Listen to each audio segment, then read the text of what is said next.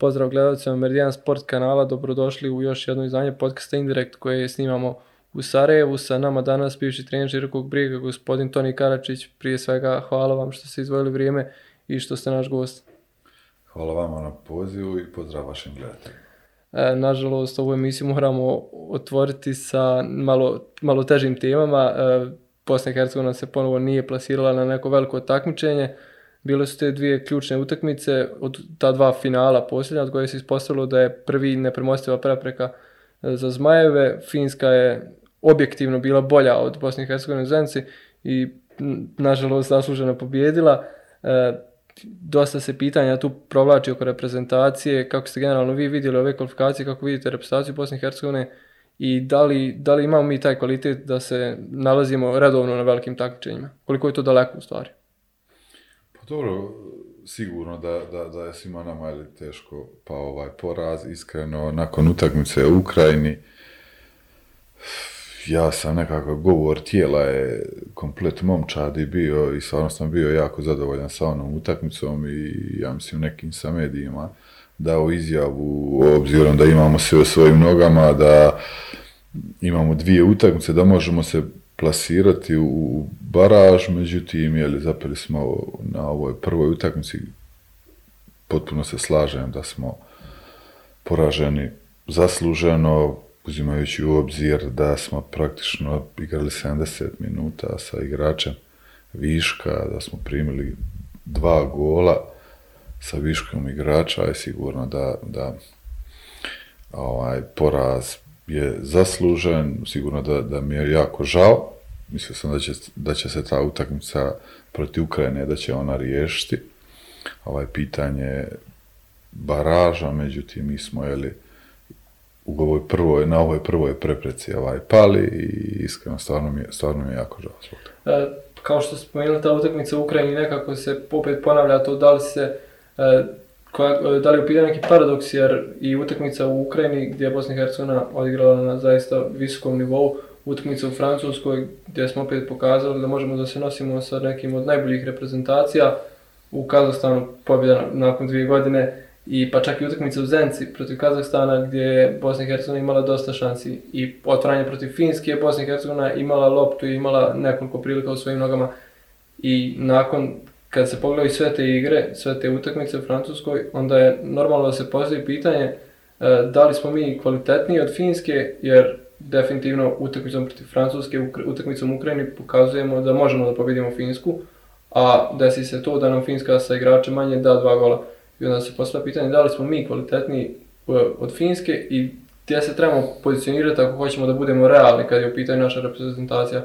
Da li je nama mjesto iznad Finske, da li nama mjesto sa ekipama u baražu ili smo još uvijek u tom donjem dijelu e, evropskih zemalja? Prvo trebamo biti, mislim, ovaj, ovaj objektivni, sigurno su naše želje uvijek veće ne, od, od, od nekog realnog stanja kad dugo sam bio u reprezentaciji, iskreno, tada sam bio govorio objektivno da u odnosu na sve reprezentativne selekcije u, u, u Europi smo mi ja po dnu, ne po kvaliteti, nego po organizaciji, lošem sistemu i sigurno nekakav ukorak što nas drži sa ostalim je jednostavno neka potencijal kojega nesumnjivo mi imamo ovdje jeli, po pitanju ovaj, nogometa, međutim, kažem, ne, nekad nismo realni, kad je u pitanju Finska, mislim da sve reprezentacije u, u Europi ulažu jako puno u nogomet, E, izgrađuju kvalitetan sistem, puno unutar tog sistema imaju, imaju odgovora koje su oni zadovoljili, mi ih nismo zadovoljili i u tom mi kaskamo u odnosu na sve ovo. Finska je bila skijaška zemlja, međutim sigurno ljudi u kontinuitetu od infrastrukture, same organizacije, natjecanja, nogometnih škola, puno kvalitetnije ovaj, radi od nas i na klubskom nivou i na nacionalnom nivou i sigurno da onda dođe je li ovakva neka razlika, oni imaju, ajmo reći, neke manje oscilacije nego mi. Znači, mi utakmice, nije to prvi put, mi uvijek igramo dosta kvalitetno i protiv puno jačih od sebe po pitanju Francuske. Gledajte, Ukrajina je sigurno, ajmo reći, jako kvalitetna ovaj, ovaj reprezentacija, međutim, mi smo odigrali gore jako stvarno iznenađujuće, kažem sami, neka ambijent kakav je bio oko reprezentacije, međutim, dobro pripremljena utakmica sa strane stručnog stožera, igrači jako kvalitetno odradili, može biti čak i propustili šansu da gore i pobjedimo, ali, ali kažem, nekav govor tijela je bio jako, jako dobar. I onda, jeli, događa nam se, opet kažem, ne prvi put da padamo protiv nekih reprezentacija koje mi, mislim, unaprijed smo mi bolji od njih, pa se oklizamo, jel, sad je, sad je tipa Finska, pa je bila Sjeverna Irska, juče gledamo Sjevernu Irsku protiv Italije koja je odigrala jako kvalitetnu utakmicu, znači svi su se, ajmo reći, nema, nema nekih slabijih, a mi nekada, nekada to pocijenjujemo, živimo na nekoj staroj slavi i onda sigurno da dođe neka kazna ili, ili razočarenje koje, koje jednostavno mi smo, jeli, ti koji uvijek napravimo ambijent, jeli, jeli, ili se precijenimo ili pocijenimo i tako da i ovaj put mislim da bitno, po meni je bitno, puno nam se to puta događa, nismo izvukli nikakve pouke, nadam se da ćemo ovaj put ih izvući. E, kad govorimo o Finskoj Ukrajini, konkretno o Ukrajini, e, kad uzmemo obzir tu reprezentaciju koju, koju igra Zimčenko, koju igra Jarmolenko i razni igrači, jasno je stvar koliko oni više igrača imaju u ligama petice koje imaju ozbiljnu ulogu u svojoj ekipi. Nama je odlaskom Pjanića u Beškitaš praktično ostao Džeko koji je radovno igrao u Interu i Krunić koji je povremeni član prve postave Milana tu kad gledamo e, da li je onda po tome realno da mi ne zaslužujemo, mislim ne, da ne da ne zaslužujemo, nego da su prevelika očekivanja od nas i taj baraž, ali i kad pogledamo baraž, u baražnom bi nas sačekala reputacija kao što su recimo Italija, kao što je Rusija, koji su opet kvalitetom iznad Bosne i Hercegovine. Ma slažem se u potpunosti, kažem, mislim, ajmo, ajmo, ajmo objektivni biti, baraž je za nas ovaj svjetsko prvenstvo.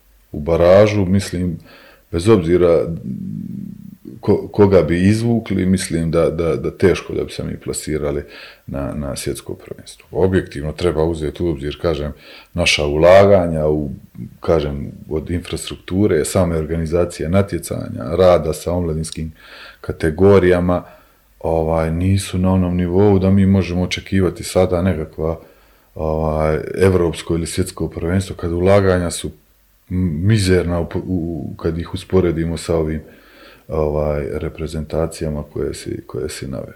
Da li onda ovaj utisak koji je Bosna i Hercegovina ostala u ovim kvalifikacijama e, dobar na tom nivou da Ivajlo Petev ostane kao selektor, odnosno da možemo reći da je Ivajlo Petev bio dobro rješenje u ovom trenutku za selektora, da li možda neko drugi bolje uradio, to, to, to ne možemo sad znati, ali u tom izboru gdje su konkretno bili e, najbliži Ivajlo Petev i Sergej Barbarez, da li igra tu neku ulogu što je Barbarez legenda reprezentacije, da li, bi, da, li bi, da li možemo pričati o tome da bi bilo drugačije?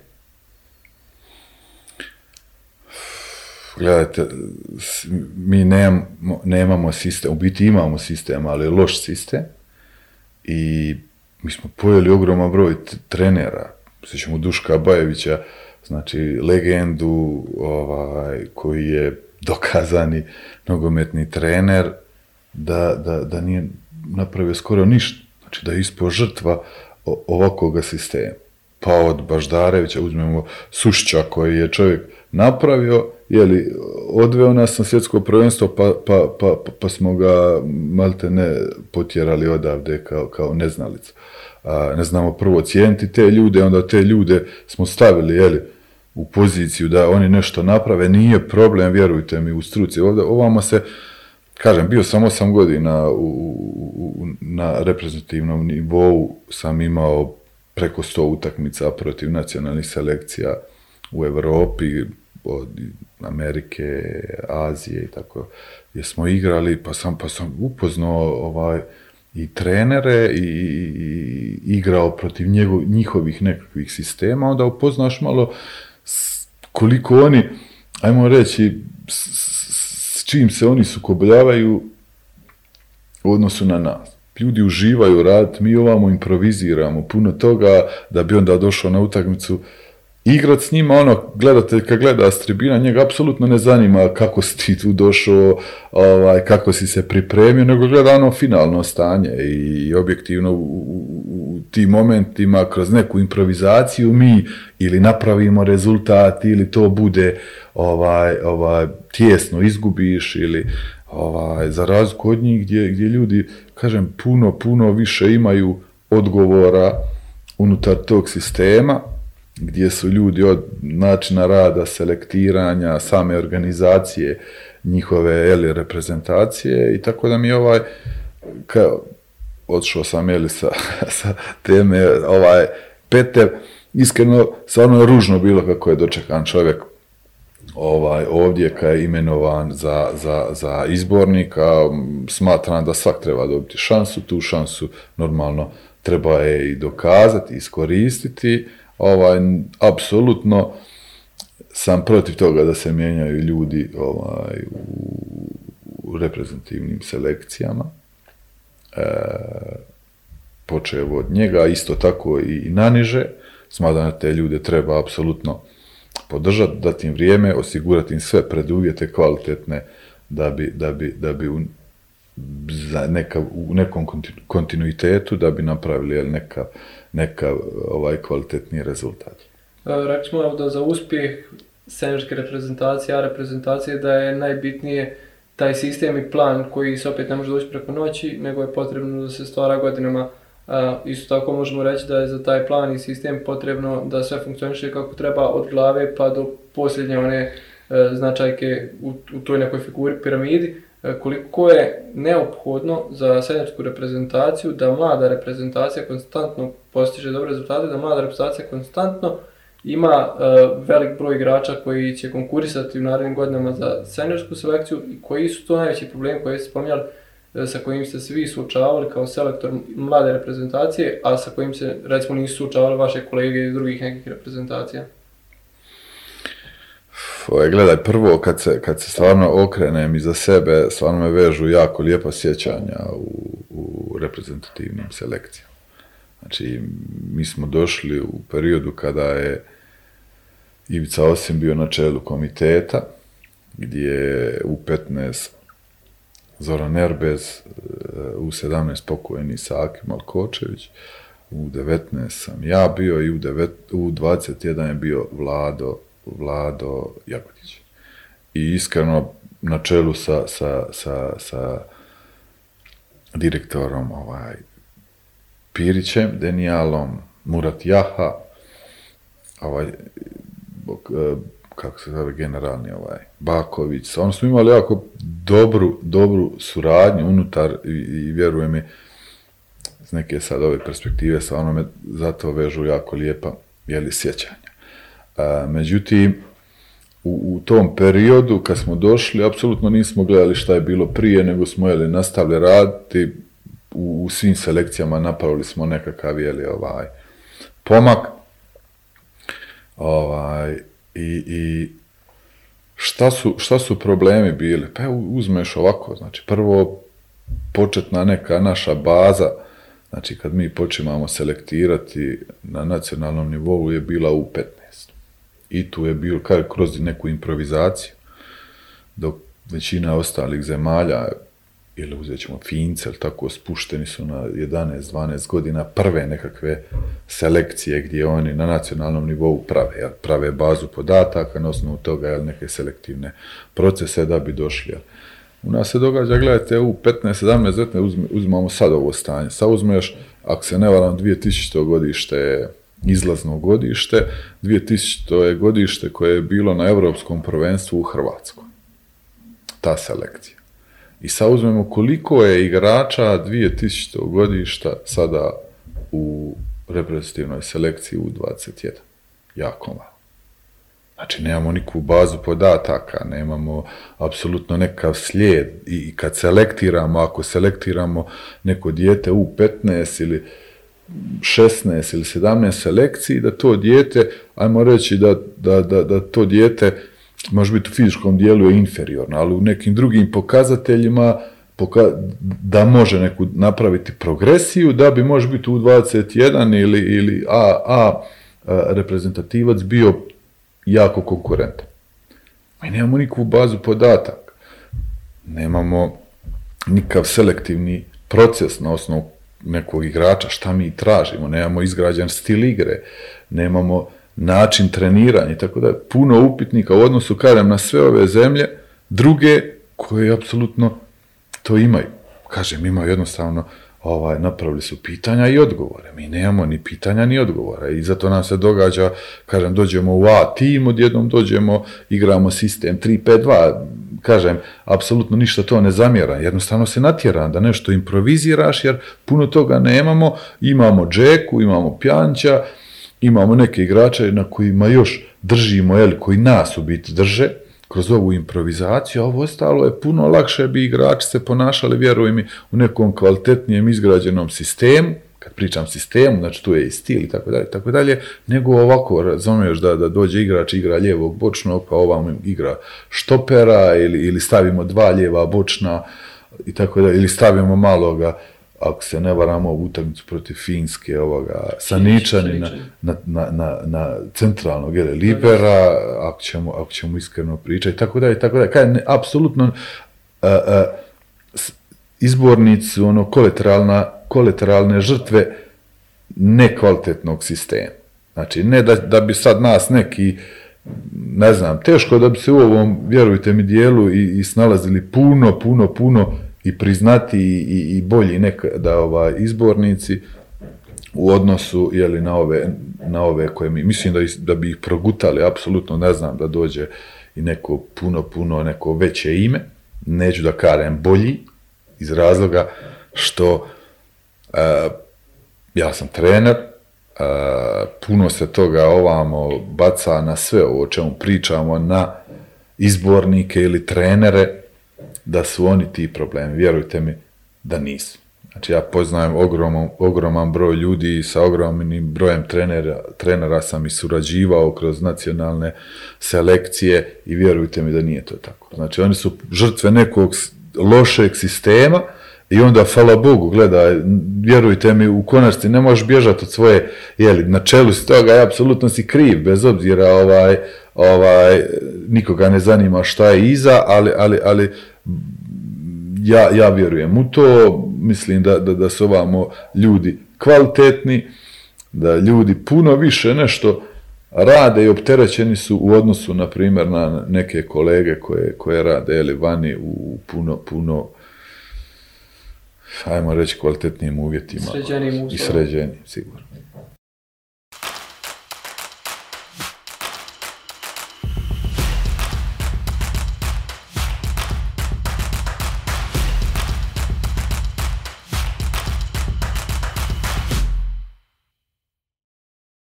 Kad govorimo o sistemu koji treba da se stvara u reprezentaciji, kult koji se izgubio u reprezentaciji, koji je pitanje da li kad je bio, ako možemo govoriti samo o tom periodu kad se otišlo na svjetsko prvenstvo, e, koliko je neophodno da omladinske selekcije igraju istu formaciju kao što igra A tim, a koliko je to nemoguće u situaciji kada A tim igra formaciju 3-5-2 ili da li je možda najbolje rješenje da se do, 20, do u 21 igra jedna formacija. I da li to daje nekakav rezultat, s obzirom da tim ne mora igrati tu formaciju?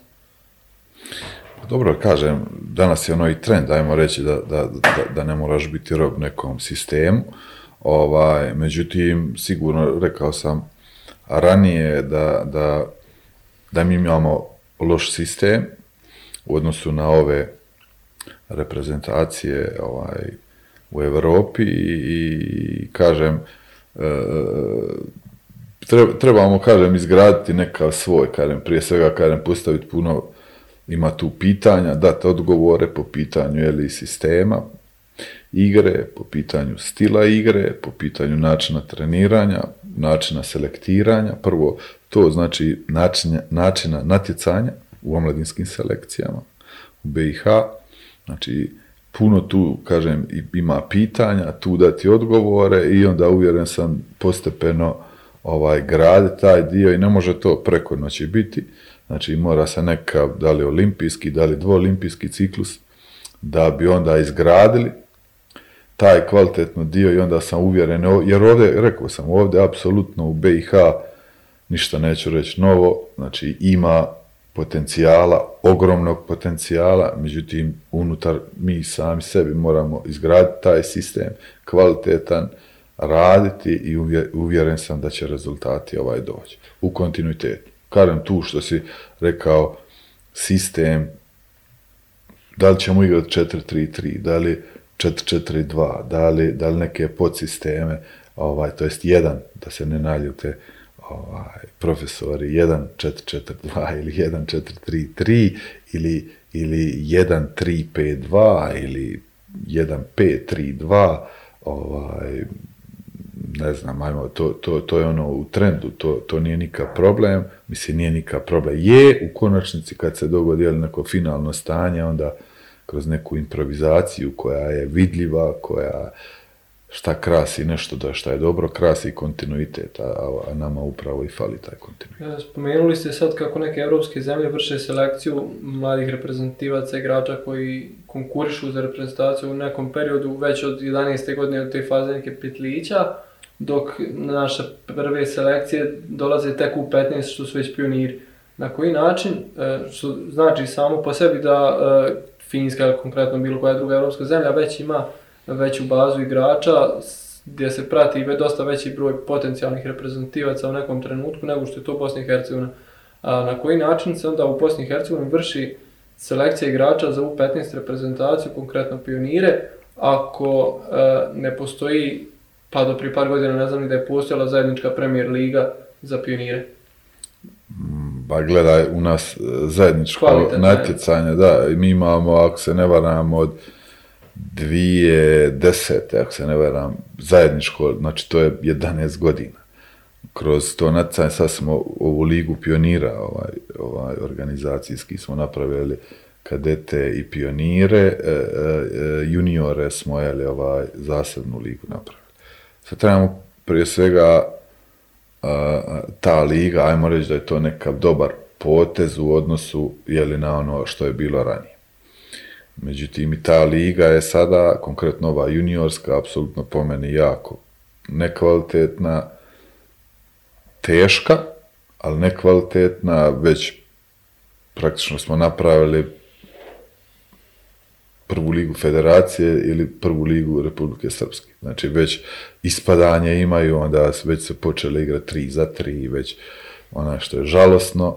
Ovaj, znači, samo smo još smanjili da, da, na, niže kategorije, znači na U18 da počimaju razmišljati da, ili da je sudac, apsolutno da se dogodi da igraš utakmicu, da suđenje nemaš kvalitetno, mislim, izgubi sve ili smisao, da se toj djeci, vjeruj mi, do U19 uzmeš se u poziciju roditelja, apsolutno kontra gubi vrijeme dijete, ili bolje da, da, da ide studirati i nešto raditi, nego da, da, da bude profesionalac koji je jako, jako težak ovaj izbor. Međutim, mi apsolutno nismo osigurali kvalitetniji nekav, je li, taj, taj sistem, da oni mogu uživati i raditi u odnosu, kažem, na ovo van. I, kažem, ovamo, sad, ove selekcije, kažem, u vani, imao sam priliku i biti na niz nekih UEFA-inih kongre, kongresa po pitanju elitnog omladinskog nogometa, gdje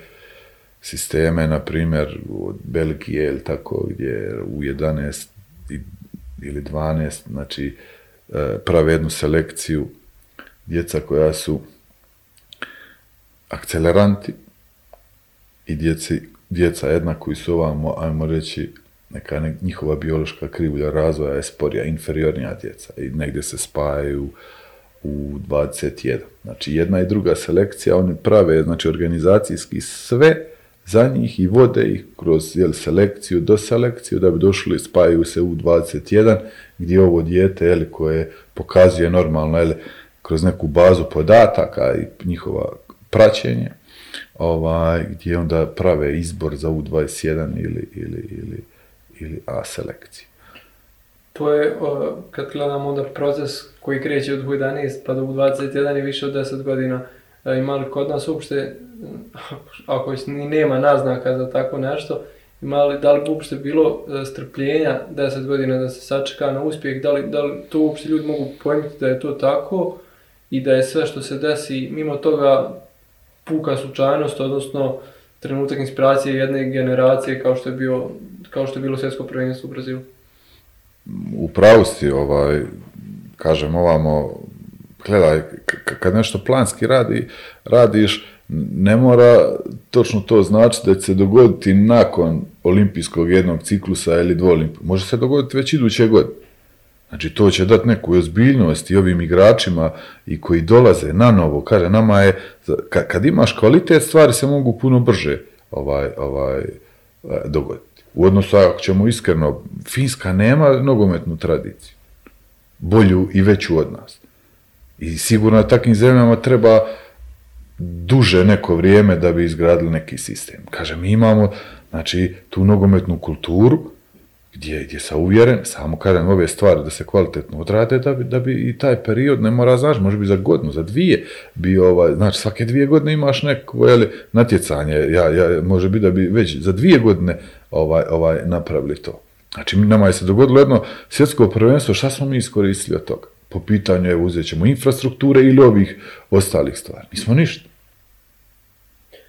Dešava se to i da iz omladinskih selekcija koje nastupaju, koje u nekom trenutku, nekim trenucima imaju dobre rezultate, konkretno vi dok ste bili selektor u sezoni 2016-17, pa vi ste pobijeli Francusku sa 2-0. E, recimo u toj Francuskoj je bio Musa Diaby, bio je Upamecano, a iz naše reprezentacije je samo Demirović trenutno u A timu i to igrač koji svoju karijeru nije gradio kroz Premier Ligu Bosne i Hercegovine, dakle ni kroz juniorsku Premier Ligu Bosne i Hercegovine. Tu su onda, pa ne možemo reći potrošena imena, ali sigurno igrači koji su tada odavali neke znake potencijalnih reprezentativaca od Zinedina Musedanovića koji je svoju karijeru vratio dva koraka unazad kad se vratio u Premier Ligu Bosne i Hercegovine. Tu su Čavar koji nije ispunio svoj potencijal, koji je krenuo kroz Premier Ligu Bosne i Hercegovine, e, tu su Čeliković, e, još nekoliko futbolera, čak sam sad nabrao i najzvučnije one, ali upravo to hoću da kažem, koliko se teško igračima kroz Premier ligu probiti do nekog ozbiljnijeg nivoa futbala i iz omladinske selekcije u Premier ligi do A selekcije? Ma, ma je, ovaj, to, to, to, to je, kažem, selekcija u Francuskoj, to je elitni krug bio, ovaj, Šerbeđić, da, Šerbeđić. Mali Meličević, kažem, ogroman broj igrača je se tih, tih praktično prelaz taj, kažem, ajmo uzeti sad ovdje, gdje je idealna liga za, za, za te mlade igrače, da se razviju svoj potencijal i da, da, da odu u puno sređenije lige. Ovaj, kažem, jako teško je dati nekav odgovor, rekao sam, znači, na, na klubskom nivou mi ne, nemamo, ajmo reći, taj prelaz organiziran Znači, nogometni savez da organiziraju Liga Mladi i evo sad je ovo pravilo što su stavili ovaj, dva, igrača. dva igrača. Ajmo reći da ide u, kora, u, u prilog tome. Ja. Međutim, ovaj, zašto ti igrača nema, sad to rekao sam, gdje, gdje, nam se događa, na primjer, u 19 selekcija se ne točno, ajmo sada u 19, to je 98. prošlo, koliko je tih igrača iz te selekcije bilo u 21? Pa opet vrlo malo. Vrlo malo ovaj, e, selekcije e, gdje, gdje e, znači nema bazu podataka, taj novi ko neko dolazi i kaže, e to su ovi. Koji su selektirani na osnovu toga, toga, toga, imaju za sebe nekve rezultate. Ili ono ciljano da idemo, slušaj, ovo je selekcija koja je bila nadomak evropskog prvenstva, ajmo graditi ambijent oko nje, da u 21 se plasiramo na evropsko prvenstvo. Mi smo praktično čim smo izašli iz elitnog kruga, ona je se ugasila. Znači ništa nismo napravili za tu selekciju, znači na nacionalnom nivou u 20 da smo organizirali utakmice, pa da smo kroz nju radili selekciju ili do selekciju novih igrača. Ne, nego smo pustili tu selekciju dvije godine ili koliko, apsolutno niko za njih ne zna, i onda dolazi izbornik ovaj, tu onda, hvala Bogu, on selektira, kaže, nema apsolutno nikakvu bazu podataka na osnovu koji bi mu se posao olakšao, nego čovjek jednostavno, ono, znaš, smatra može bi da je to ni uzeo ovoga zato što je iz Širokog, ovoga zato što je iz Želje ili Sarajeva ili Borca, a nije neko dijete tamo iz, ajmo reći, iz, iz, iz e, Orašja ili ne znam nija ovaj, ovaj, ga uzeo zato što, što su mu bliže. Nije, nego je u tom datom trenutku su to igrači za mene najbolji bili. I, i, i kažem, jednostavno do, događa se puno, puno nekakvih, isto to se događa i prelaz u 15 prema 17, 17 na 19, znači selekcije koje imaju po godinu i po dana nikakvih aktivnosti u mom periodu. Ovaj, kažem, nemamo, nemamo apsolutno izgrađenu neku bazu podataka za te igrače da bi onda puno lakše bilo ovim ljudima koji vode selekcije.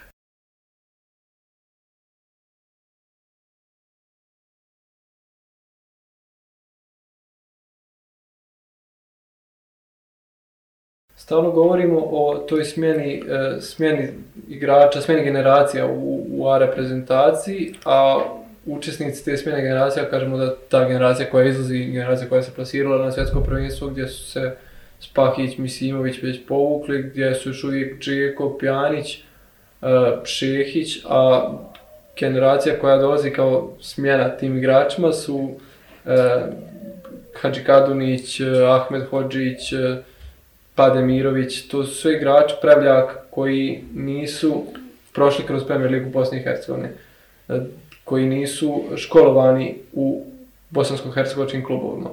Koliko je ta onda smjena generacija opet dolazi slučajno i neplanski i koliko je to opet samo trenutak što su se pogodili igrači kao što su Ahmed Hođić koji je Kadunić, da ta smjena koliko toliko bezbolno može proći, iako evo opet vidimo nema nas na velikom takmičenju. Znate, kad sam, kad sam vodio jeli, ovu, ovu selekciju u 19, ovaj, ja sam bio tada rekao znači da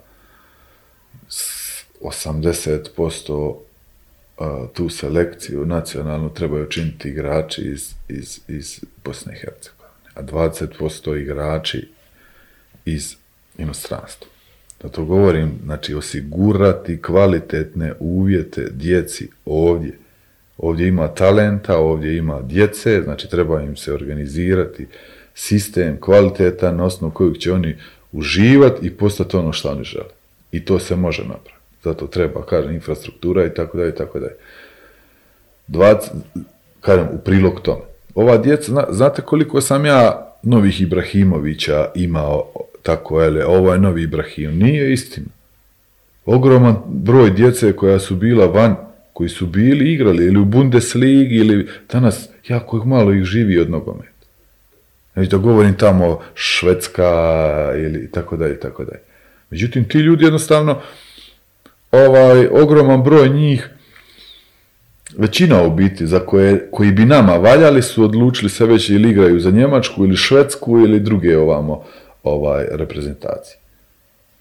A ona djeca, na primjer, koja, ne kažem, i mogu biti ili ne mogu, znači dijete dođe od tamo, on, on živi u tamo onom sistemu, dođe ovdje, gleda jako teško, se on može, pa po kakvim smo mi terenima trenirali, gdje smo mi tu djecu dovodili, pa si djetetu kad to pogleda, ti, ti, šta ćeš od njega ti tražiti, onda zamisli koliko njemu treba, a, a adaptacija isto kvalitet.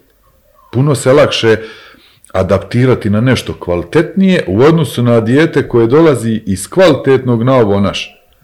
I onda taj se dogodi, jel, kaže, nesrazmjer, plus što, što smo mi predzi do, dovedeni, praktično moraš improvizirati nešto, znači čekate tamo Francuska, a ti, Bog te pomogu, ne znaš ni svoje igrače, ovaj, ovaj, imena njihova u autobu. Jer toliko mi period smo imali kratak u odnosu na sve ove ostale gdje ljudi dolaze iz, iz Maljorke ili ne znam nija, mi jadnici dva dana se skupimo u autobusi i putujemo i igramo protiv njih. I kažem, ta, ta, ta djeca, kažem, vani koji su naučili, jeli, koji puno u kvalitetnim nekim klubskim sistemima rade ili žive, kad dođu ovdje, sigurno, vjerujte mi, onaj, da, da, da im je jako, jako teško i, i ja sam i tada govorio, a i sad sam pri tom stavu da ovdje apsolutno niže selekcije 15, 17, 19, znači djecu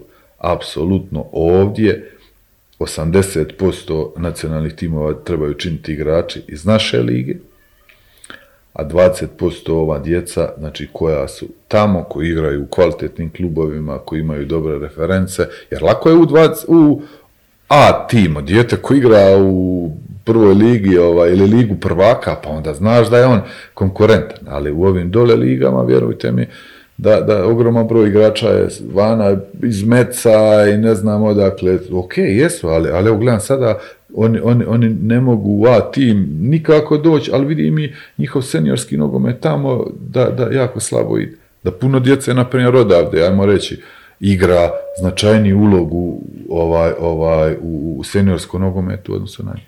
Da li je to uzrok ili možda posljedica loše, nekvalitetne i naše juniorske premier lige, ali nekvalitetne i naše premier lige seniorske? Pa, pa gledaj, pričamo na nacionalnom nivou. Da. Znači, pričamo sada, nacionalni nivo su ovaj, reprezentativne selekcije. Klubski nivo, nismo ni počeli pričati o njemu, znači, klubski nivo, pa kad bi usporedili naš klubski nivo sa bilo čijim, pa da, ko, ko kamp, gledaj, imamo, široki ima kamp svoj, jeli, i, i, i, i sami taj kamp držite, ajmo reći, iznad vode da, da, da si u kontinuitetu igraš neku ulogu u premijer ligi. Međutim, kad gledaš razinu jednu više, nisi konkurentan. Ogroman broj gleda igra, pričam konkretno o nogometnom klubu široki broj, ogroman broj gleda igrača transferirao na takvu malu bazu, ovaj, reći ti podatak, e, iz, iz, da, da, da praktično u svim klubovima iz premijer lige su igrači iz škole nogometa, široki brijeg igrači su igrali u BiH. Znači, toliki broj igrača, sa uzmemo ostale klubove, gdje su od ostalih klubova taj doprinos? Nema ga, ili je jako malo. A sve iz razloga što si imao infrastrukturu u odnosu koja je sada slaba kad je usporediš, jel, to je vrijedilo možda bi za 10 godina, međutim jednostavno se u nogometu prebrzo neke stvari se događaju, da, da ako nisi išao u korak, već kasniš. I mi u infrastrukturi već kasnimo, bez obzira kažem što smo prvi, sad imaš si Sarajevo je, kampovi ostali, ko ima drugi kamp? Nema ni, svaki improvizira. Ne omladinska škola, nego, nego senior. Ne omladinska škola. Tako da, ovaj, kažem, kad, kad gledaš koliko smo mi u zaostatku, kažem, ova infrastruktura i sve one, ili što sam pitao, što sam govorio o nekim pitanjima i odgovorima, toliko mi imamo, vjerujem, mi smo u zaostatku i sad jedino što nas drži je kao nekakav taj kvalitet koji imamo, urođeni, improvizacija. Ti igrači onda koji nisu iz Bosne i Hercegovine, koji nisu iz Premier Lige, iz domaćih klubova, a koji trenutno igraju reprezentaciju, spomenuo su Baškač Kadunića, Ahmed Hođića, e, na koji način su oni privoljeni da igraju za Bosnu i Hercegovinu i da li su bili postojali ti kampovi van granica države? Pa jeste, kažem, organizirani su bili kampovi, jedno smo bili, ja mislim, u Švedskoj, ovaj, organiziran je kamp bio e, dani otvorenih vrata, nešto tako, ja mislim da se... Međutim, kažem ti, jako je teško, sad se ne mogu točno, ovaj, pokojni Saki, uh, Zoran, Jaha, ja mislim da je Goren Nalić, ovaj, Zlatan, Zlatan bio ovaj, organizirao taj i kažem, to je bilo sve. Mislim, ne možeš ti osporiti njihovu gore ljubav i, i želju da budu, da se razumiju. Međutim, kažem, ajmo biti objektivni, gledaj, za dva dana da ti neko stavi sto klinaca, trči po terenu i ti kao trebaš naći Ibrahimovića, ne trebamo se lagati. Jako teško, plus što igra dijete u 15, na primjer, selekciji, igra dvi godine sa, sa ovim protiv jeli, starijeg igrača od sebe, onda hvala Bogu kako ćeš ti tu donijeti nekakav ovaj, ovaj balans, plus ovo, kažem, kad selektiraš, ovaj, nemaš, nemaš puno, puno nekakvih, ono, šta, šta bi ti vidio na terenu, jel, ko je brži, ko je jači, može bi te prevario, a nemaš nekakav mehanizam, na primjer, da bi iz te selekcije suzio na 10 igrača, pa ih dove ovamo da igraju protiv naših klinaca iz premijer lige, pa onda naprave, dobio bi sigurno kvalitetnu sliku. To nismo mogli, jel, sprovesti. Tako da su ti kampovi bio i u Švedskoj i u Njemačkoj jako, naprimjer Demirović je bio u tim kampovima i većinom kad dođeš na te kampove igrači koji su u Bayernu, Stuttgartu, Frankfurtu, Borussiji, Dortmund ili tako, ti igrači nemaju ovaj dopuštenja od klubova da pristuju, jer su to kampovi koji su van UEFA-novi nekog termina i klubovi nemaju obavezu da ih puste. Jel? I onda dolaze igrači iz trećih liga, iz četvrti i tako da je objektivno kažem u svo neku dobru volju, mislim da je dobra stvar, ali iskreno da, da, da bi istoga, jele, mislim, dobra je stvar da se to napravi, ali poslije se to po meni ovaj, je razvodnilo i, i nije imalo onu svrhu šta, šta, šta, šta je trebalo, a to je da, da imaš doslovno tu neku dobru bazu kvalitete, da bi ti onda mogao eli, igrača, puno je lakše kad dijete iz Bajerna, kažeš da, da, da dođe, nego na dijete iz, iz nekog četvrte neke lige usvojili nek, njegovu, njegovo i voljni moment, sve je ok, međutim jako je teško odlučiti se za to igrača, iskreno uvijek sam se prije odlučio za igrača iz, iz, iz premijer BH lige i dao im prednost u odnosu na, na, na te igrače. To je ono da se izdvoji recimo 40 najboljih igrača koje je država posjeduje iz jedne generacije, ali to ste i malo prije spomenuli, upravo to da u omladinskim selekcijama treba 80% da čini igrači iz Premier Lige, jer upravo ne znamo kakav je kvalitet igrača, recimo koji igra četvrstu ligu Njemačke ili treću ligu. E, koliko smo mi gušili svojom, svojim, svojim infrastrukturom, svojim nekvalitetnim terenima u Premier Ligi, e, neorganizovanim radom u omladinskim selekcijama klubova, koliko smo gušili te potencijalne reprezentativce, koliko je teško njima ostvariti transfer iz blatnjevog terena u novembru u Premier League Bosne i Hercegovine, koliko će neki klub biti zainteresovan da dođe pogleda igrača koji igra u, u uslovima koji nema nigdje u Europi. Pa, pa gledaj, rekao sam da, da u Premier Liga omladinska, znači traje ko 10 godina, 11, zajednička neka liga. Ajmo reći da sada imaju kvalitetnije uvjete za igranje u odnosu na prije, jer su, ja mislim da skoro svaka momčad ima umjetnu travu. Međutim, samo je jedan teren umjetne trave i djeca isključivo i treniraju, biti tu trenira po četiri selekcije istovremeno, jer nemaju drugog terena ili posebno u Bosni ovamo ako je snijeg ili kiša, znači svi moraju na taj teren, ovaj, jer drugog terena nema, ili ako ima, on je u, u lošem stanju. Gdje, vjerujte mi, jako poštivam i cijenim trenere, posebno apostrofiram trenere u omladinskim pogonima, vjerujte mi da ih ima jako mnogo kvalitetnih, ali su, kažem, žrtve, znači pričali smo o nacionalnom, tako i dole na klubskom nivou, žrtve su nekog lošeg sistema, isključivo dolaze njihovi do, do, do izraja neke, neke sposobnosti, koje one i ne trebaju da imaju, nego jednostavno se moraju sa puno drugih nekih poslova baviti osim onoga što treba da, da, da, da, da, da obuče igrače i, i kada nema financijski budžete, ajmo reći, gledaj, budžete koje mi imamo za omladinsku školu. Konkretno uzet ćemo nogometni klub Široki brijeg, znači ima 350 tisuća maraka na razini godine za omladinsku školu. I sad, kad gledaš iz jedne perspektive, pa to je jako dobar novac. Međutim, kad usporediš, stavljam nogometni klub Široki brijeg, koji je, kada ima svoj kamp, ima velik broj igrača koji su u prvoj momčadi, ima velik broj igrača koje su transferirani vani, u odnosu na većinu klubova u BiH koji to nemaju, Znači uzeo sam ga kao jedan primjer, zato što ga i, dovoljno zna.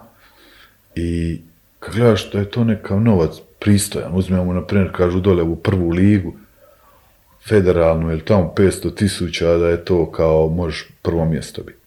A mi u omladinskom pogonu pričamo 350 tisuća. To je novac kao, kao dobar. Nije, to je novac isključivo koji može samo držati glavu iznad vode.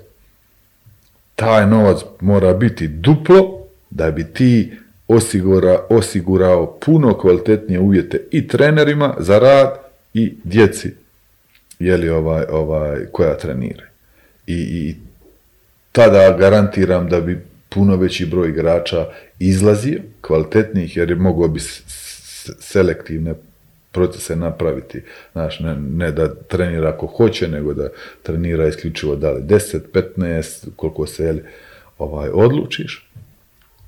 Dalje, kako te igrače sprovesti gore u seniore, isto kažem, postoji način. Protivnik sam iskreno ovoga, jer, jer se ovo malo struke pita. Sad dva igrača. E da, meni je to tako, znači neko je čuo, neko je čuo, da li iz, iz, iz, iz izvršnog odbora ili ne znam točno, volio bi da znam koja je osoba ta koja je to čuo i da to primjenjuje pravilno.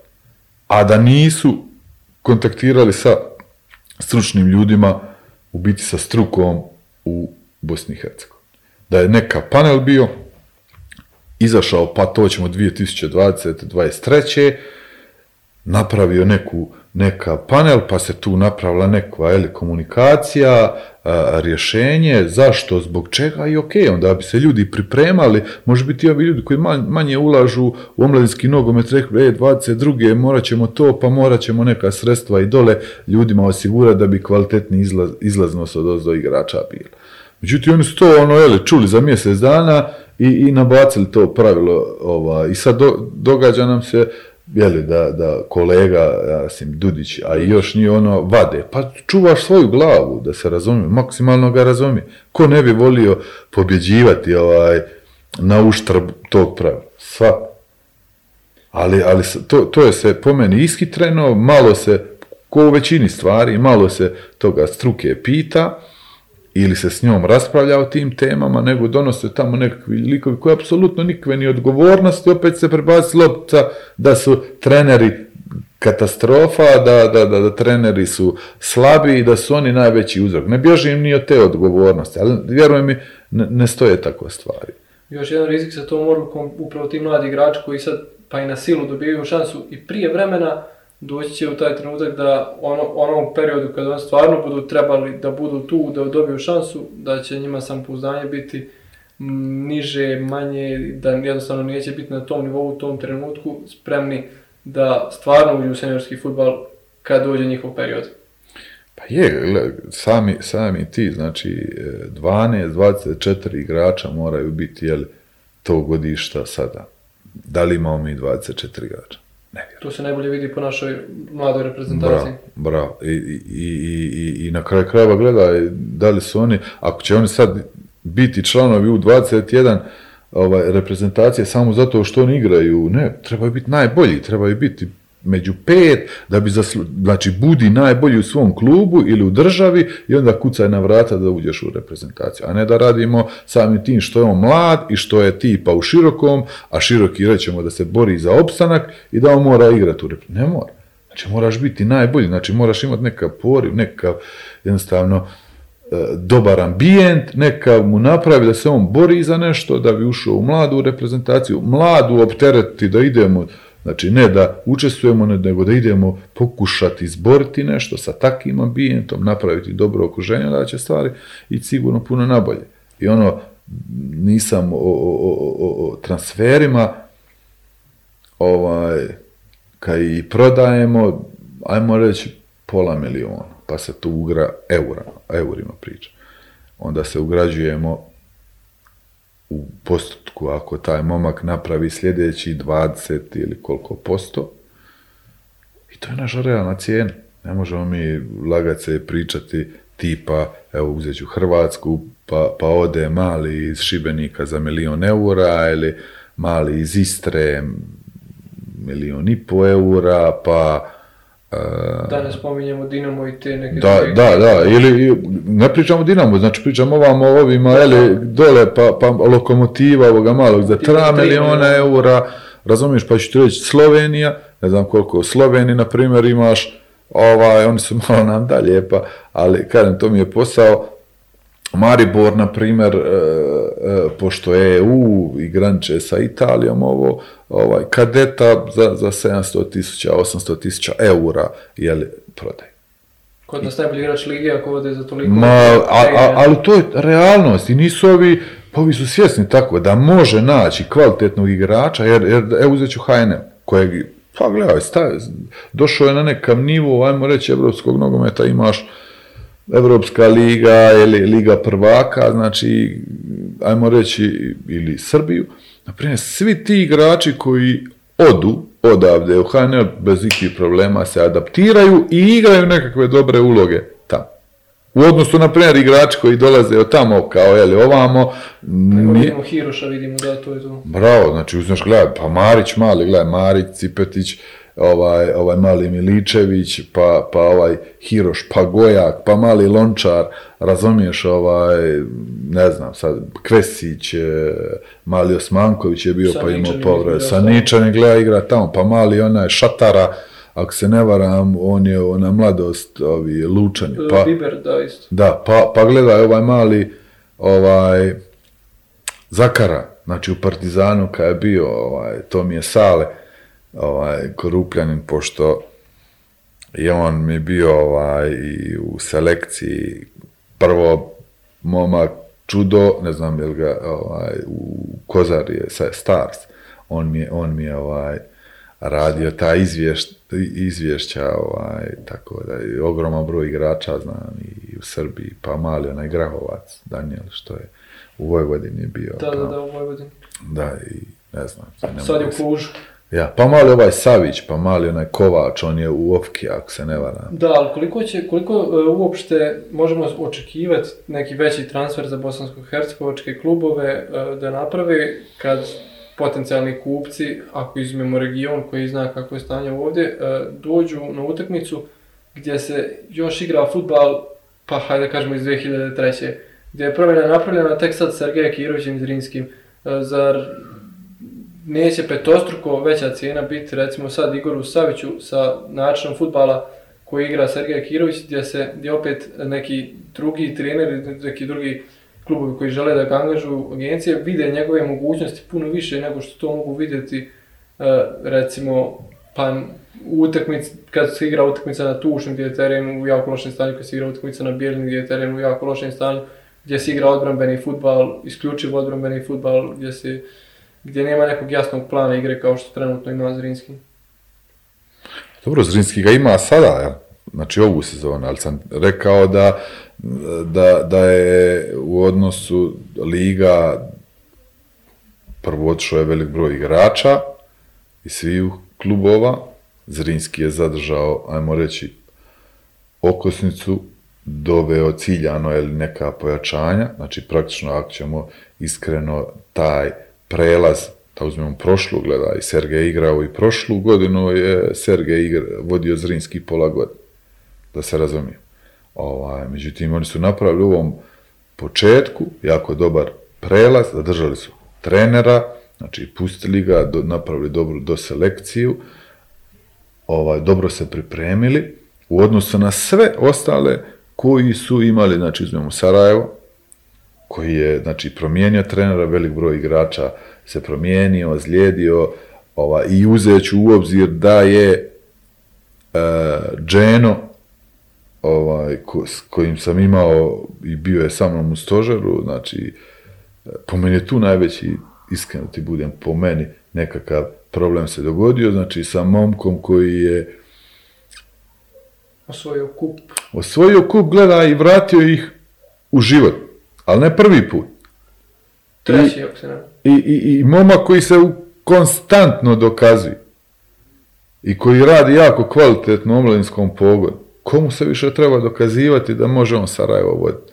I dođeš Sarajevo, uzmeš i onda kažeš ajde opet dole u junior. I vjerujem je reakcija igrača, tu je Goran isto nekakva kolateralna žrtva ispod, znači koji je jako kvalitetan trener, međutim igrači, vjerujem mi, ja mislim da su igrači više pogođeni od, od, samoga Džene. Moj utisak, može bi da se varam, ali sumnjam. I onda dok dolazi novi trener, dok se on adaptira, imao velik problem s igrači, em ozljede, em neki odšli do selekcije i tako dalje, tako dalje, i onda startaš loš. E, borac koji je, ajmo reći, jeli, Tri trenera promijenio u tri trenera, da, ovaj, definitivno je problem nekakav željo, ovaj, isto tako igrači, došao je novi trener, pa široki, gleda gdje je objektivno, ajmo reći, okusnica neka koja je bila, međutim, trebaš uzeti u obzir, znaš, evo, Veleš, konkretno, znači, ka igrači, znaš, puno je lakše ići prema vrhu nego, nego kad dođeš na vrh.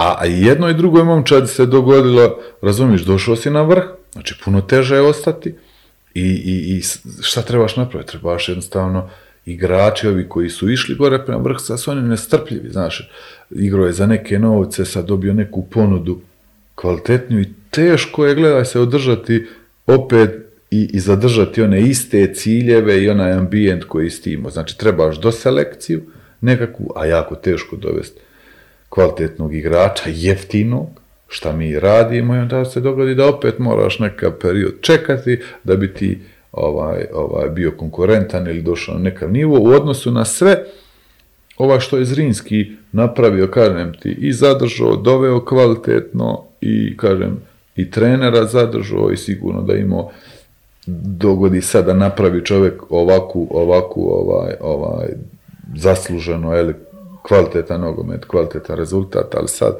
da je nešto novo on ovaj donio, je u odnosu, znači ima, nemaju ovaj oscilacije neke jeli, ovaj u odnosu na sve ostale, ali ali ali kažem razlozi su ne zato da on nešto specijalno radi drugačije od ostali, nego zato imao je puno sređeniju situaciju i kažem u njoj maksimalno kvalitetno se snašao i maksimalno kvalitetan posao odradio.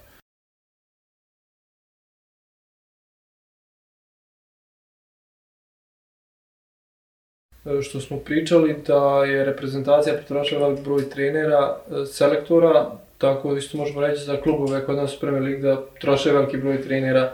Da li, je, da li su rezultati glavni uzrok odlaska trenera? Evo, kad uzmemo vaš odlazak iz Širokog briga, e, početak sezone, gdje je prva utakmica bila idealna, gdje ste pobjedili 3-1 Vlaznju i gdje pobjeda treba biti još ubjedljivija, gdje taj gol nije trebao biti primljen. I ako gledamo početak taj sezone, jedini pravi kiks je taj poraz u Albaniji od 3-0, jer pogledamo rezultate, nerješen rezultat sa Zrinskim koji je pobjedio sve u ovoj sezoni, e, nerješen rezultat u Prijedoru, a opet svi smo vidjeli kvalitet rudara, naročito na domaćem terenu, i da opet govorimo o možda podbačaju protiv radnika na svom terenu. Da li, da, li to, da li su to dovoljno loše rezultate da vi podnesete ostavku u tom trenutku? Nije, gledaj, to, prvo, ja sam dvije godine bio u, u, u klubu, ovaj, situaciji gdje je klub bio u jako slaboj poziciji, jako slabo startali, imali smo ogrom, ogroman zaostatak za, za, za ovim vodećim momčadima i gdje, gdje sam bez ikakvog razmišljanja preuzeo, jel, ulogu. Kažem, ja sam, ja sam prvo sam ovaj, nakon uh, reprezentativne selekcije uh, sam imao problem neka osobni, znači sa, sa, sa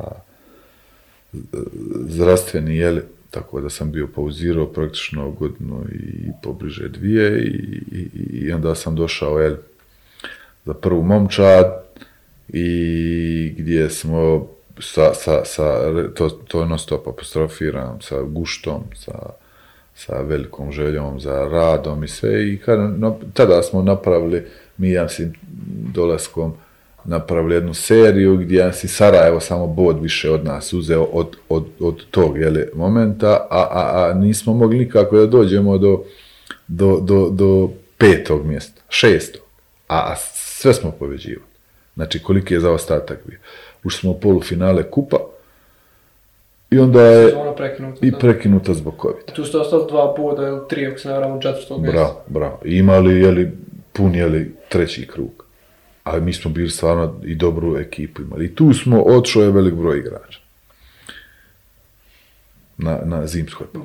Da. E onda dolazi nam ljetna pauza, onda nam ode, ako se ne varam, pričamo o starterima. Znači, skoro 14 starter.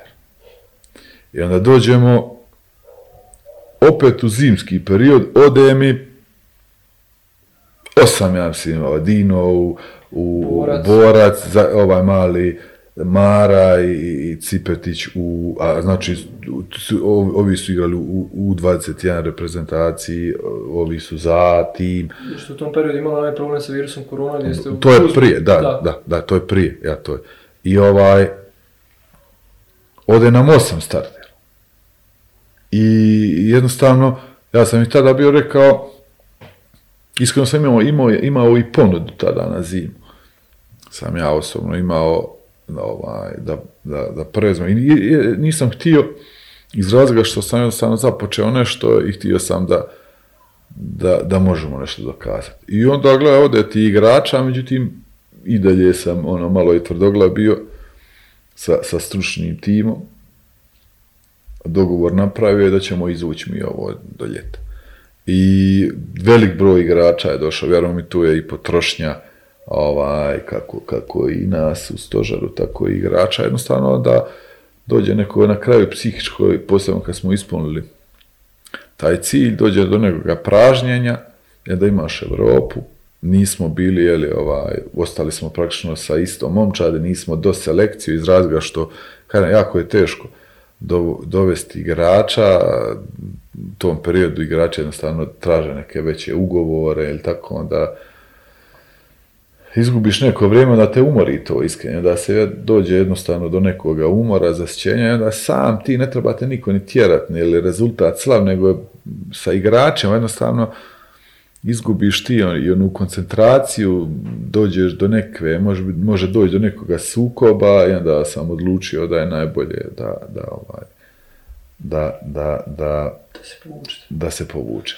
A, a nije, kažem sad, da li je to pravilo, pričam osobno neko, ali činjenica je da u nas nema ni jasno vizije, ni cilja, onda trener je tu, eto, čisto onaj, Vi ste isticali par puta da je vrijeme i širokom brijegu, konkretno tada ste bili trener brijega, ali opšte je mišljenje da je vrijeme bilo kom bosansko-hercegovačkom klubu da napravi taj iskorak u Europi. Bosna i Hercegovina je trenutno jedna od rijetkih zemalja e, iz čije nijedan klub nije igrao grupnu fazu europskog takmičenja. S ovim novim takmičenjem se otvara nova vrata za da lakše bude plasman, pogotovo šampionu. Da li, da li smo blizu tome, da li Bosna i Hercegovina može da se nosi sa ekipama koje igraju u play-off bilo kojeg evropskog takmičenja za ulazak u grupnu fazu. Jer ako pogledamo i ligu konferencija, to su opet ekipe koje uz dužno poštovanje više koštaju nego što koštaju ekipe iz Premier Lige. sam si rekao i odgovor. Ja opet smatram da je, kako god natjecanje da ne naprave, evo, konferencijska liga, to je opet prevelik zalog. Ne pričamo ligi prvaka ili, ili sad Evropskoj ligi. Ogroman zalogaj za nas. Jer, znaš, dođu, dođu pa sta, uzimam primjer šerif. Međutim, neće da kaže da šerif po 400-500 tisuća dolara plaća igrača godišnje. Razumiješ? Da, da imaju infrastrukturu, može biti u, u, u, u nekim okvirima Pola tiraspolja- ajmo pola reći.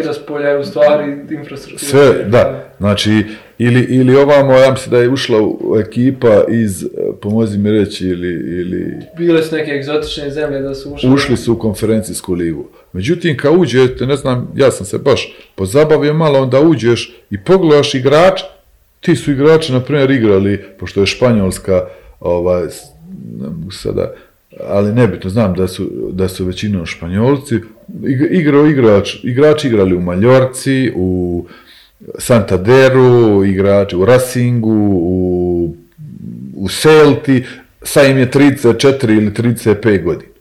Pa Stani Modriću je koliko? 30, Ronaldu, znači vijek je se pro- produžio, ako igrač se bavi, jeli, ovaj, o, sam sa sobom na, na nekom visokom nivou i ti igrači, znači oni su otišli u egzotičnu neku malu zemlju, fin ambijent, nema onog pritiska, manji stres, igraju sa guštom. A nisu to nekvalitetni ovaj, igrači. To isto sada imamo mi ovdje priliv igrača, pa znaš ko bi prošetao bi se svak. Razumije, nisu to igrači iz tih zemalja, pa oni, nije istina, znači, pogledajte unutra, znači, gro igrača čine koji su igrali ili u La Ligi ili, ili ovaj, nisu to igrači iz, iz pete lige i, i tako da i tako da. I plus i primanja njihova nisu na onoj razini kako mi mislimo da oni igraju čap. Ili Luksemburg jedan, evo. Ko, ko ne bi sad od nas Luksemburg odšao Fora, živiti ili rad, pa ako ćemo iskreni biti. I onda stavljam, stavljamo sebe i stavljamo teret kako smo ono, stite, vjerujem stite reći da se baviš ovim poslom. A nije tako, kažem, nije tako iz razloga kako ćemo mi pričati o, o, o da je nama milion eura, je nama, razumiješ, ovaj, riješeno sve, razumiješ, to tamo ljudi imaju novac im apsolutno ne predstavlja ništa i imaju puno veće i bu- budžete i sve im je na puno većoj razini od nas. I to je šta razliku pravi, a ne pravi razliku zato što, pa uzmemo evo od infrastrukture, gledaj, ljudi imaju tamo i terene i pa mi pa gledaj na šta ovo liči, vala. A u očima našim oni su još uvijek konobari, kuvari. Bravo, skijaši i tako onda kad dođeš igraš protiv sad, pa dobiju skijaše, dobiju si igrače manje, ovaj, 70 minuta. Možemo onda taj plasman nekog kluba našeg e, u grupnu fazu europskog takmičenja smatrati kao plasman reprezentacije na svjetsko prvenstvo. I ako se desi, desit će se slučajno jer sistem ne postoji kao potpuno se, tako i u u potpunosti se slažem, mi imamo neke naznake, međutim, kažem, kasnimo ili, kažem, može biti nesrazmjer u, u nekakvim ambicijama u odnosu, na primjer, na infrastrukturu, možeš do- potrošiti sto puta, pa je uzet sada ovaj gospodin ovaj, Husić, jel? Da, u. Tuzla City, znači čovjeku sam ulaže, međutim igrači individualno sam uvjeren da je to jako kvalitetna ekipa, Husref, razumiješ ovaj koji je na čelu toga, međutim treniraš, ne znam gdje trenira iskreno. U. Simhan treniraju i igraju na tušnju, da. Evo da, i nemaš kvalitet, možeš koji će tu igrač ostati duže ili tako kad, kad on sami taj ambijent treniranja, kad ti njemu ne, ne možeš osigurati da je on ta. Znači možeš i platiti, preplatiti, ali nemaš infrastrukturu da igrač se osjeća da je on igrač, da, da, da je, razumije, nego jednostavno nekada s podsmijehom ide na, na, neke stvari, ti ga tjeraš na nešto, a ako je on naučio, a imaju igrače sigurno koji mogu igrati bez ikakvih problema i igrali su na većem nivou i onda se tu dogodi taj nesrazmjer. Kako će, on pre, kako će trener sprovesti neku svoju ideju kad izađe šta? Možeš je sprovesti na, jedino na grbavici, užitak, igrati i, i, i, i, i, i žao mi je što to uvijek poleđim, želji bude, ali, ali to je jedini ambijent, razumiješ, gdje, gdje je gušt, razumiješ, gdje doslovno trebaš platiti ulazicu da vidiš kvalitetan nogomet i tu gledaš da, da, da, da možeš sprovesti nešto ovaj, ovaj, kroz neki plan svoje igre, svoju ideju, da zavisiš od toga. Ovako, šta od čega ćeš zavisiti, ne znam, po, po bilo gdje. Ne treba, ne treba sad pričati samo o Tuzli, ništa drugo, nisu bolji tereni. Dobro, to da pričam o nekom napretku, potrebno nam je 12 terena kao što, kao što ima Grbavica u Premier League Bosne i Hercegovine. Da. 100% ovaj, uvjeren sam u to. Da bi podigli kvalitetu i da bude i gledljivi, gl- gledljiviji nogomet, da, da igrači, uvjeren sam, kažem, naši su igrači, imaju u DNK nogomet. Znači i oni apsolutno će se adaptirati kvalitetno, igraće kvalitetan nogomet i, i tako će biti konkurentni, brži nogomet i bit će konkurentni ovaj, ovaj, tu će ono, el, ko ne može, otpašće sam, znači ot, samo će zadržati se oni koji mogu i u takvim uvjetima sigurno i znači sve će se podići na jedan veći nivo i i trenerski i, i, i gledatelji i ovako nam je liga da se razumijemo znači u odnosu na sve lige u okruženju je, je činjenica da je ovo liga najinteresantnija, ono, neizvjesno ko će biti prvi, ko će biti Najviše klubova u stvari. klubova, navijača i tako dalje i tako dalje.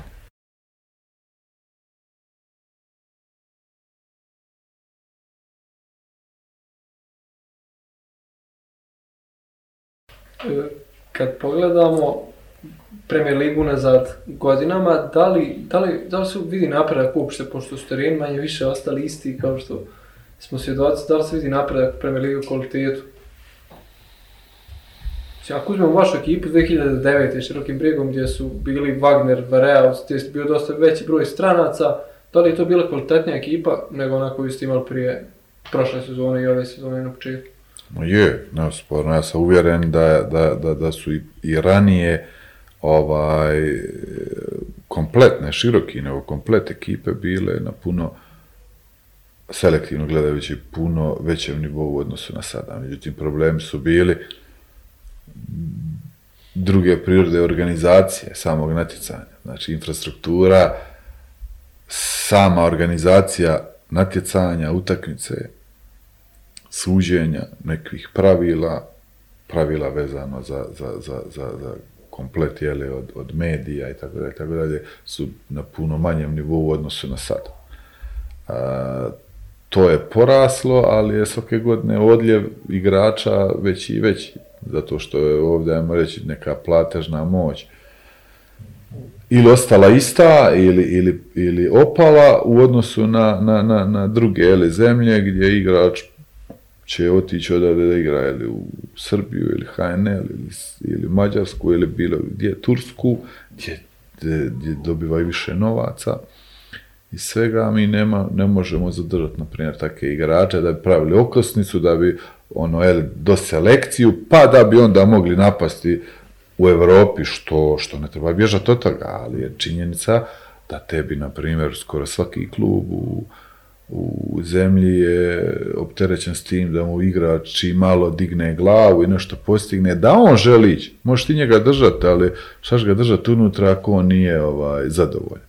I onda na kraju moraš neka napraviti jel, kompromis da ga, da ga ovaj, da nešto ti malo zaradiš, a njega pustiš ovaj, da ide igra. Tako da se mi s tim problema ne, nismo u mogućnosti da ovdje možemo zadržati platiti ili preplatiti igrača, i da se on osjeća ovdje u ovom ambijentu dobro. Nekada je to ono većinom ljeto, kad su ono dobri tereni, međutim čim uđe u zimu ili, ili dođe do problema, onda generalno je nekav ambijent kakav je u, u zemlji, gdje jednostavno igrači ono, da osjećaju se bolje, da treba biti, osjećaju se bolje tamo i medijski i tako dalje, infrastrukturom i samim ambijentom treniranja, igranja u odnosu na ova. A ovdje se, da, ono, pitanja da li se može napraviti u Bosni i Hercegovini taj ambijent. Može, može idealan biti. Znači, rekao sam, imaš dobre klubove sa nekom dobrom povješću za sebe, navijače, znači infrastrukturu dobro uložiti, urediti ligu, doslovno je urediti, znate kako je ono, jednostavno pratite nekav glas da se ovdje otima, nije to tako. Ne treba ni bježati, i, i toga ima i, i, i po meni treba, treba to rješavati, ne bježati od toga, znaš, ne neka verbalni dilek napraviti, tipa ne smije se pričati, ma treba se pričati Definitivno da se problema treba pričati da bi se upravo oni riješili. Jeste imali možda neki slučaj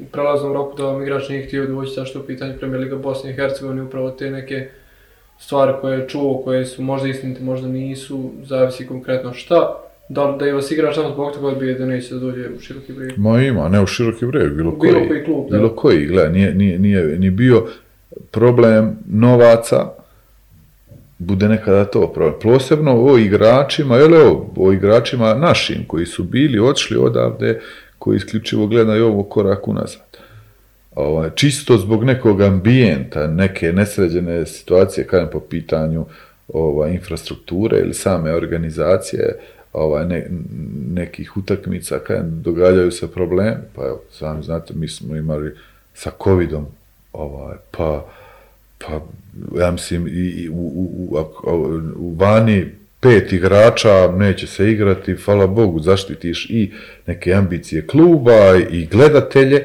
Međutim, u nas, ono, mi smo dogodilo nam se, pa ne u Tuzli, prvo u Sarajevu, gledaj, mi smo došli, ako se ne varam, u Sarajevo sa sedam igrača, ovaj, kojima je potvrđen virus, i dolazim u Sarajevo sa 16 igrača, ili ne znam točno sad.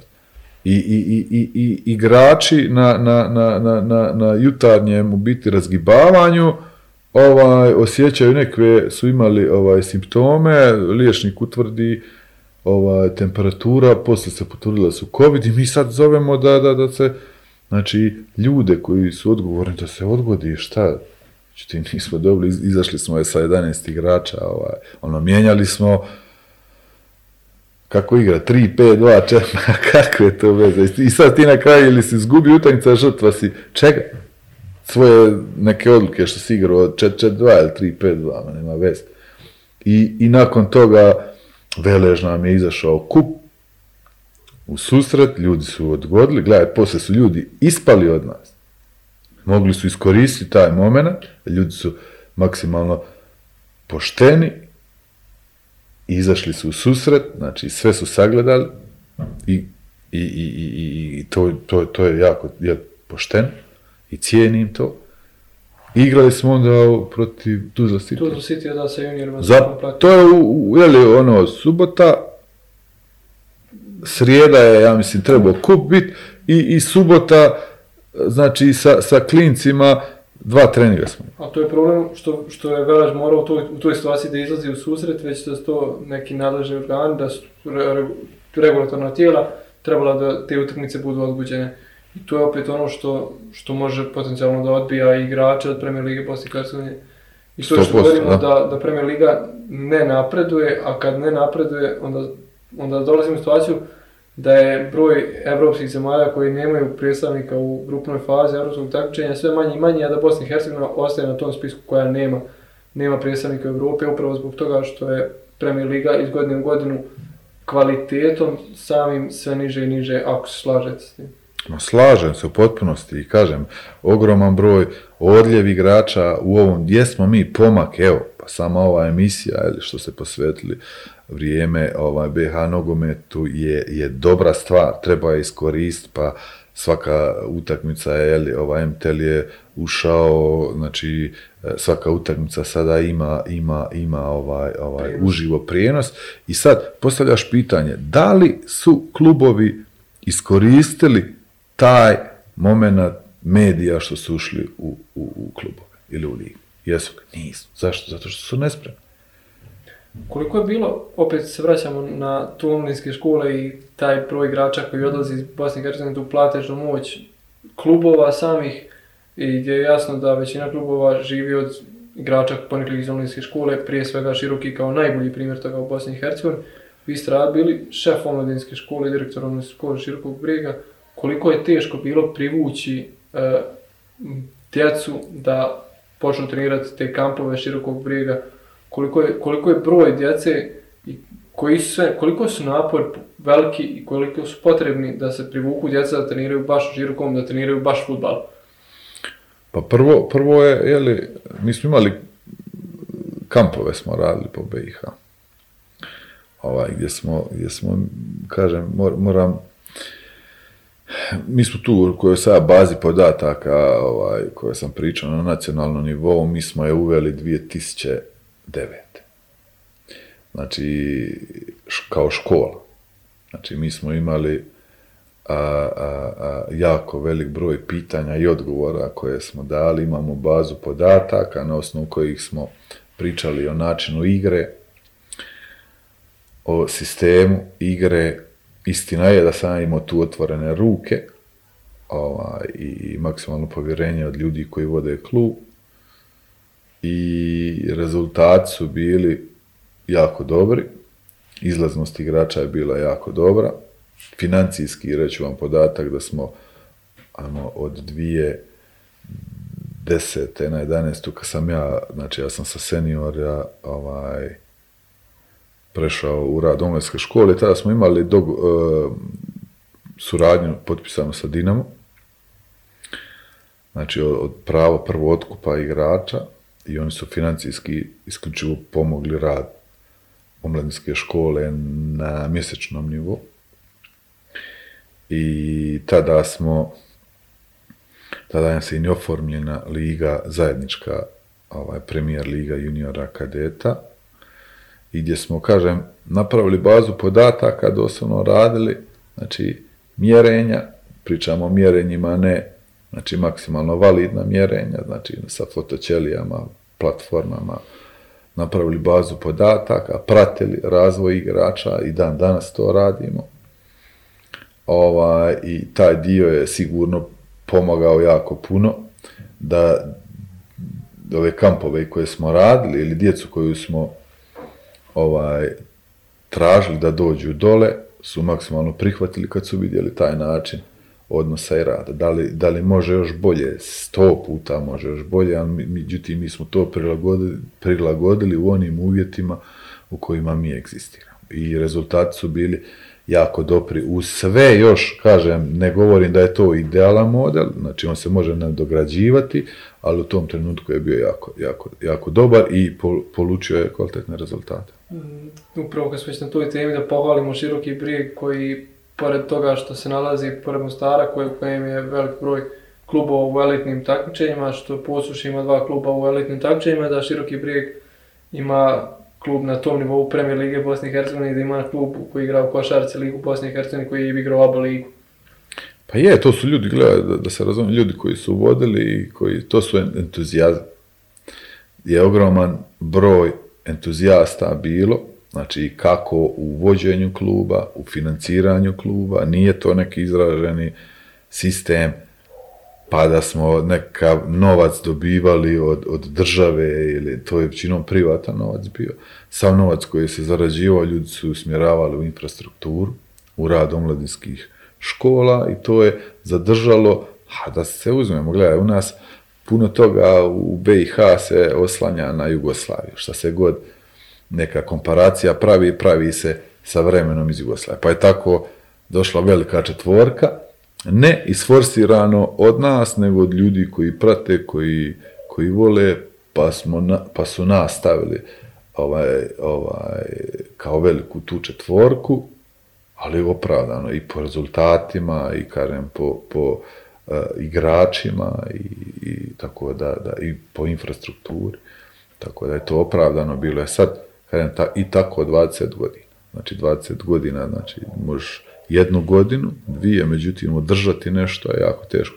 Isto tako košarci, iako ona, volim košarku i sve, ali sad nešto da mogu pričati, ovaj, može biti Maja. Da. Ne, ne mogu ja puno pomoći. ja mogu, ja mislim, isto, gledaj, ono, u košarku ljudi, znam školu košarke da čudo rade, da, da, da isto tako, kažem, ovaj, da, da imaju i dobre trenere i da imaju, gledaj, sad ću reći, široki brijeg ima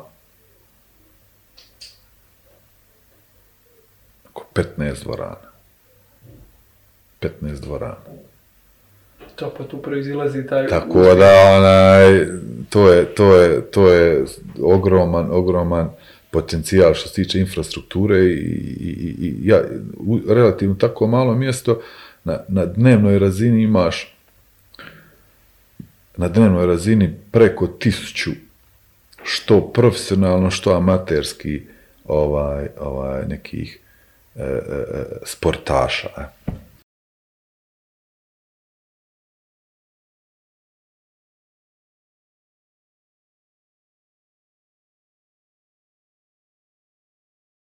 Da se vratimo još malo na Premier Ligu Bosne i Hercegovine, onda vas je na klub zamirio Juri Vanković, e, nakon vas došlo je, došli su neki igrači, došao je recimo Tonči Mojan koji se iskristalisao kao nosilac igre širokog briga.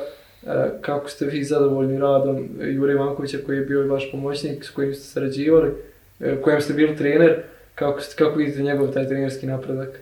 Ma, gledajte, prije svega Jure je jako dobar momak, dobar, iskreno smatram da je prerano prestao igrat, ovaj, ali, ali to je sigurno jako velik potencijal što se tiče trenerskog posla. Uvjeren sam da nezahvalna je bila pozicija, međutim uvjeren sam bio da su ljudi u klubu dobro ovaj, i reagirali i dali mu jeli, koliko toliko nekog vremena, da se i on, obzirom da je i bio jeli, u stručnom stožeru, sigurno da je puno lakše, ovaj, međutim, moment nije bio baš tako lagan, dosta zahtjevan, on je ga stvarno kvalitetno ovaj, odradio i on i stožer komplet od vlade, Nenada i poslije su priključili jeli, ovoga Antu i Stanka. Ovaj, međutim, što, što je jako bitno, tu nekakvu krizu, uvjeren sam da će ona se opet događati, međutim oni su ja mislim, dobro jeli, prevazišli, na dobrom su putu, igre sada koje prezentiraju sigurno da su dosta, dosta ovaj, dobre i uvjeren sam, kažem, da će i Jure to dosta, dosta kvalitetno jeli, odraditi i ispuniti jeli, ovaj, ciljeve koje su, koje su stavili, stavili jeli, ispred sebe.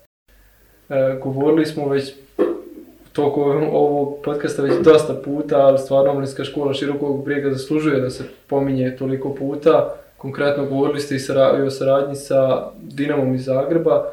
E, znamo da je veliki broj igrača širokog upravo karijer svoj nastavio u Dinamu Zagrebu. Kako, kako je još gledala detaljnije ta saradnja širokog i Dinama?